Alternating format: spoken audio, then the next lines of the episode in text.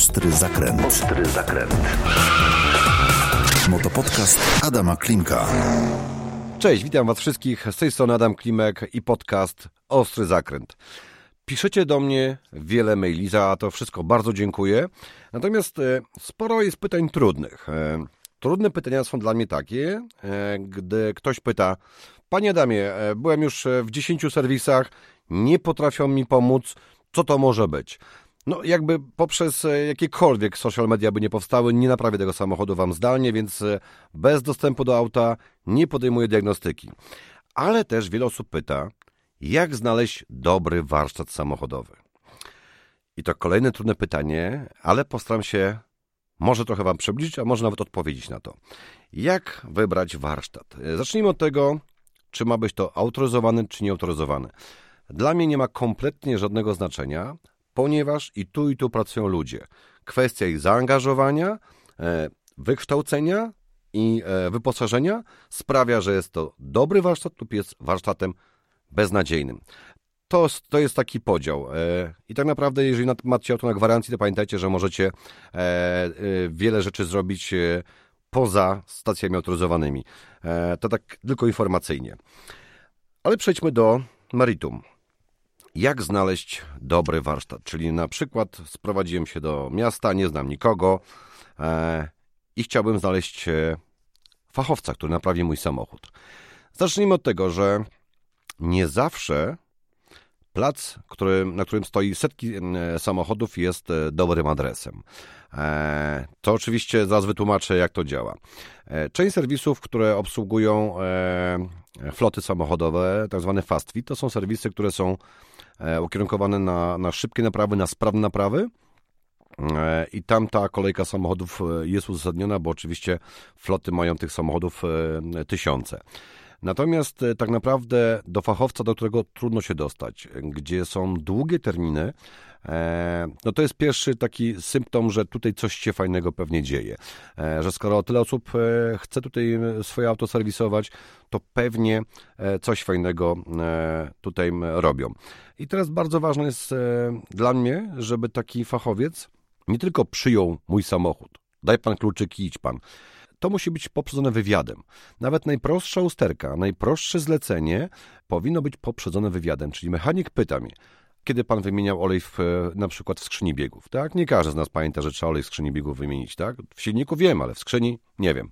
Może się nie wymienia.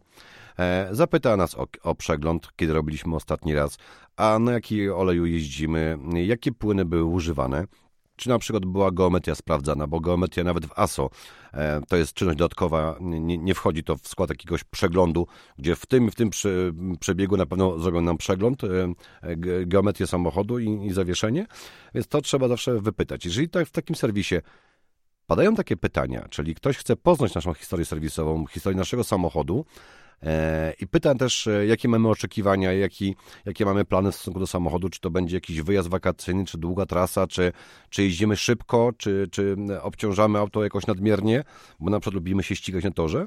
E, to, to już jest pierwszy taki sygnał, że mamy do czynienia z fachowcem. Bo ten fachowiec próbuje ustalić, co dalej trzeba z takim autem zrobić. Mm, powiecie pewnie, że można zawsze wejść i sprawdzić opinie w internecie. Z własnego doświadczenia wiem, że nie wszystkie opinie są wiarygodne. To znaczy, bardzo łatwo jest dzisiaj e, sobie takie opinie po pierwsze kupić. Po drugie, niektórzy klienci, czy tej samochody portowe, samochody luksusowe, nie wszyscy klienci zostawiają takie opinie w internecie. Zwyczajnie w świecie po ludzku nie mają na to czasu. Podobnie jest e, z opiniami negatywnymi. Nie zawsze ta negatywna opinia wynika z tego, że coś zostało spaprane Czasem jest to kwestia niedogadania się z, pomiędzy klientem a mechanikiem. Dlaczego? Proszę bardzo. Pierwszy przykład z brzegu. Samochód to zbiór części, które ze sobą muszą współpracować w określony sposób, ale również zbiór części, które na siebie oddziałowują. To taki slogan, to taka formułka e, wyczytana gdzieś tam z książki. Bardzo ważna, dlatego że na tym polu dochodzi do wielu niedomówień. Ja wam powiem przykład z mojego życia. Przyjechał klient, który chciał naprawić turbosprężarkę.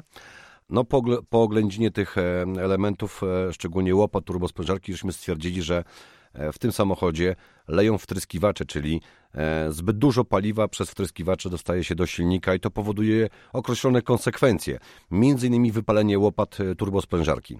I jakby odmówiliśmy naprawę tej turbosprężarki, mówiąc, że to niewiele wniesie, ponieważ musi pan zrobić wtryskiwacze, pewnie filtr cząstek stałych, e, pewnie zawór recyrkulacji spalin i parę innych rzeczy. Klient obrócił się na pięcie, zniesmaczony wyszedł. I powiem wam tak, z całą pewnością ktoś tą e, turbinę mu naprawił. E, z całą pewnością pewnie gdzieś tam szwagrowi powiedział przy alkoholu, albo nawet napisał gdzieś na forum, nie wiem, bo nie znalazłem takiego wpisu, ale że w tamtym warsztacie nie chcieli mu turbiny zmienić, chcieli go naciągnąć na wtryskiwacze. I pewnie wiele osób powie, no dobrze, no to lepiej chyba naprawić e, turbinę za tysiąc czy tam ileś złotych, czy, czy mniej lub więcej, ale po co wydawać pieniądze na wtryskiwacze? No kochani, tak jak powiedziałem, jest to zbiór części, które siebie oddziałowują. Jeżeli te wtryski dalej będą lały, to przede wszystkim e, dochodzi do sytuacji, e, w której pogarszamy znacząco jakość oleju, więc zaczynamy zacierać silnik.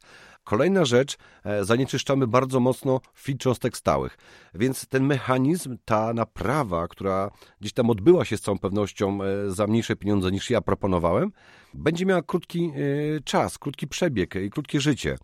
I teraz, jeżeli klient w międzyczasie sprzeda samochód, to on do końca życia będzie przekonany, że w moim warsztacie chcieli go naciągnąć. I jeżeli taką opinię napisał, na pewno napisał negatywną opinię ale czy aby na pewno postąpiłem źle? Pomyślcie o tym. To jest właśnie przyczynek do kolejnej rzeczy, a mianowicie jeżeli znajdziemy serwis, e, w którym e, mamy fajnych ludzi, którzy robią te samochody, widzimy, że e, ten zakres napraw jest różny, czyli robią naprawy główne, robią naprawy bieżące, specjalizują się w danej marce, to spróbujmy obdarzyć ich zaufaniem. I jeżeli cokolwiek się nie uda, to wróćmy z taką informacją. Na litość boską nie ma nic gorszego, jak zabrać samochód niesprawny, e, być niezadowolonym, napisać złą opinię i pojechać gdzie indziej.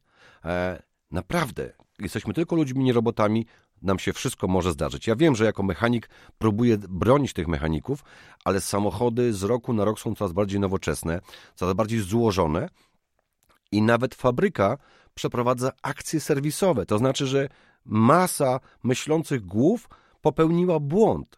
I jak się ma ten jeden mechanik, który czasami ma wielomarkowy serwis, czy on nie ma prawa do błędu? Ma prawo do błędu i każdy serwis powinien posiadać polisę OC, czy odpowiedzialność cywilną moją. Co oznacza, że jak wjadę na jazdę próbną, uszkodzę, to będę miał z czego zapłacić. Nie będę udawał, że nic się nie stało, nie będę oszczędzał na Twojej naprawie, tylko zamontuję Ci wszystkie części e, zgodne ze, ze specyfikacją samochodu. Podobnie jak mi się zdarzy błąd, na przykład e, źle ustawię rozrząd i przy pierwszym uruchomieniu wybuchnie silnik. Ja również będę miał ubezpieczenie od tego, żeby pokryć wszelkiego rodzaju straty. Każdy mechanik szanujący się ma oczywiście działalność gospodarczą, co oznacza, że drogi kliencie dostajesz dokument sprzedaży. Paragon faktura. Nie ma to znaczenia.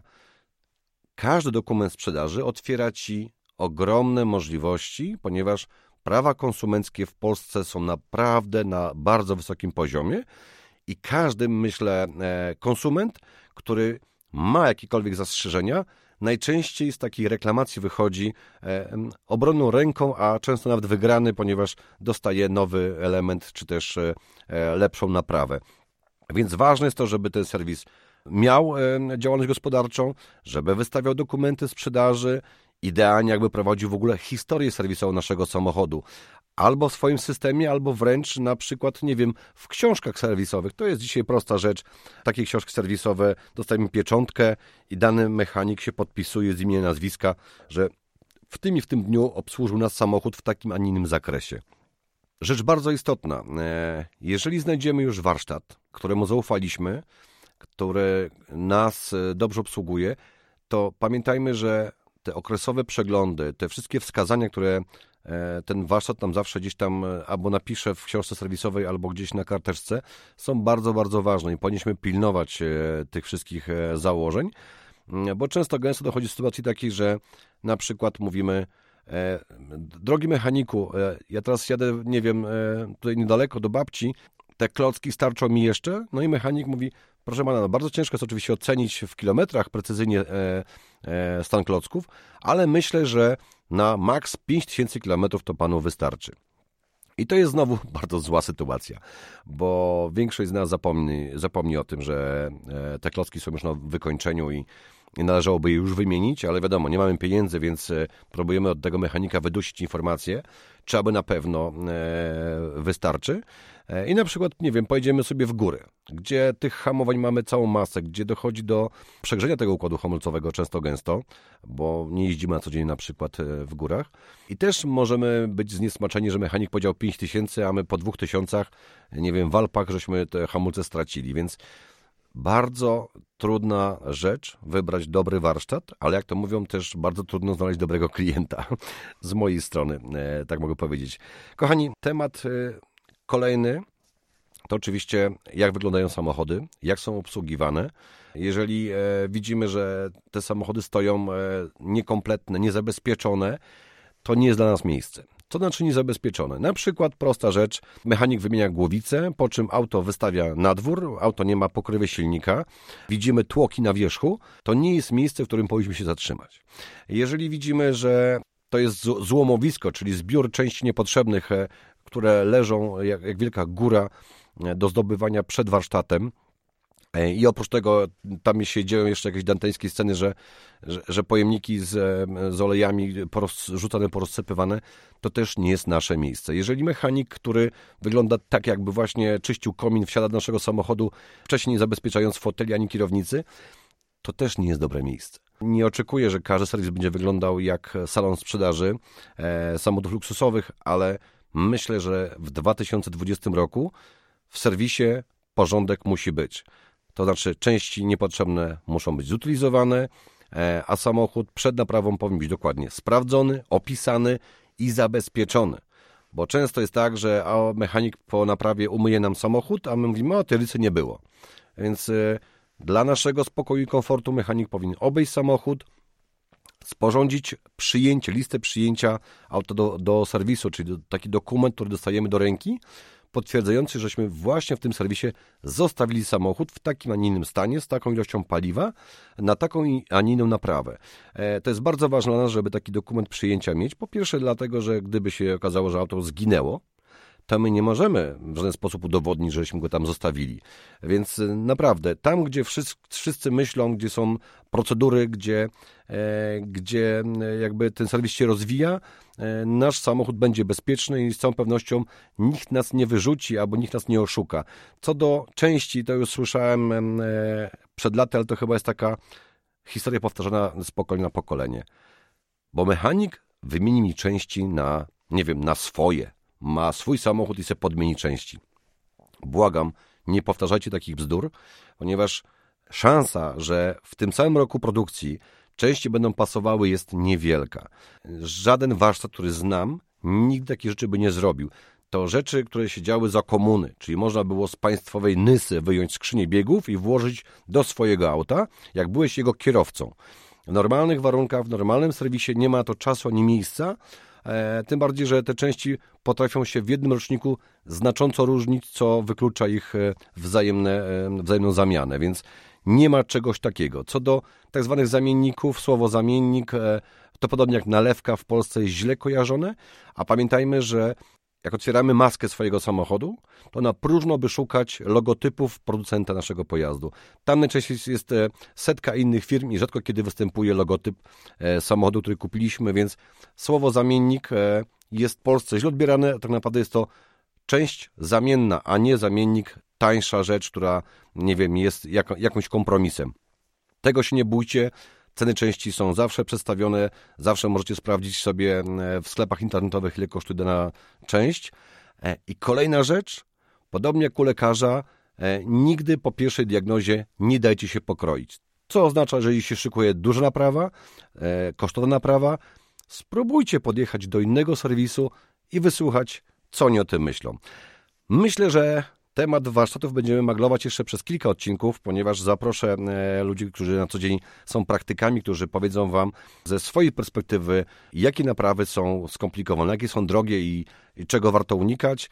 Myślę, że ten krótki wstęp pozwoli nam rozwinąć temat, jak wybrać właściwy warsztat. Na dzisiaj kończę, żegnam się z Wami i oczywiście życzę Wam tylko sprawnych samochodów. Ostry zakręt. Podcast przygotowało Sołteli. www.sołteli.pl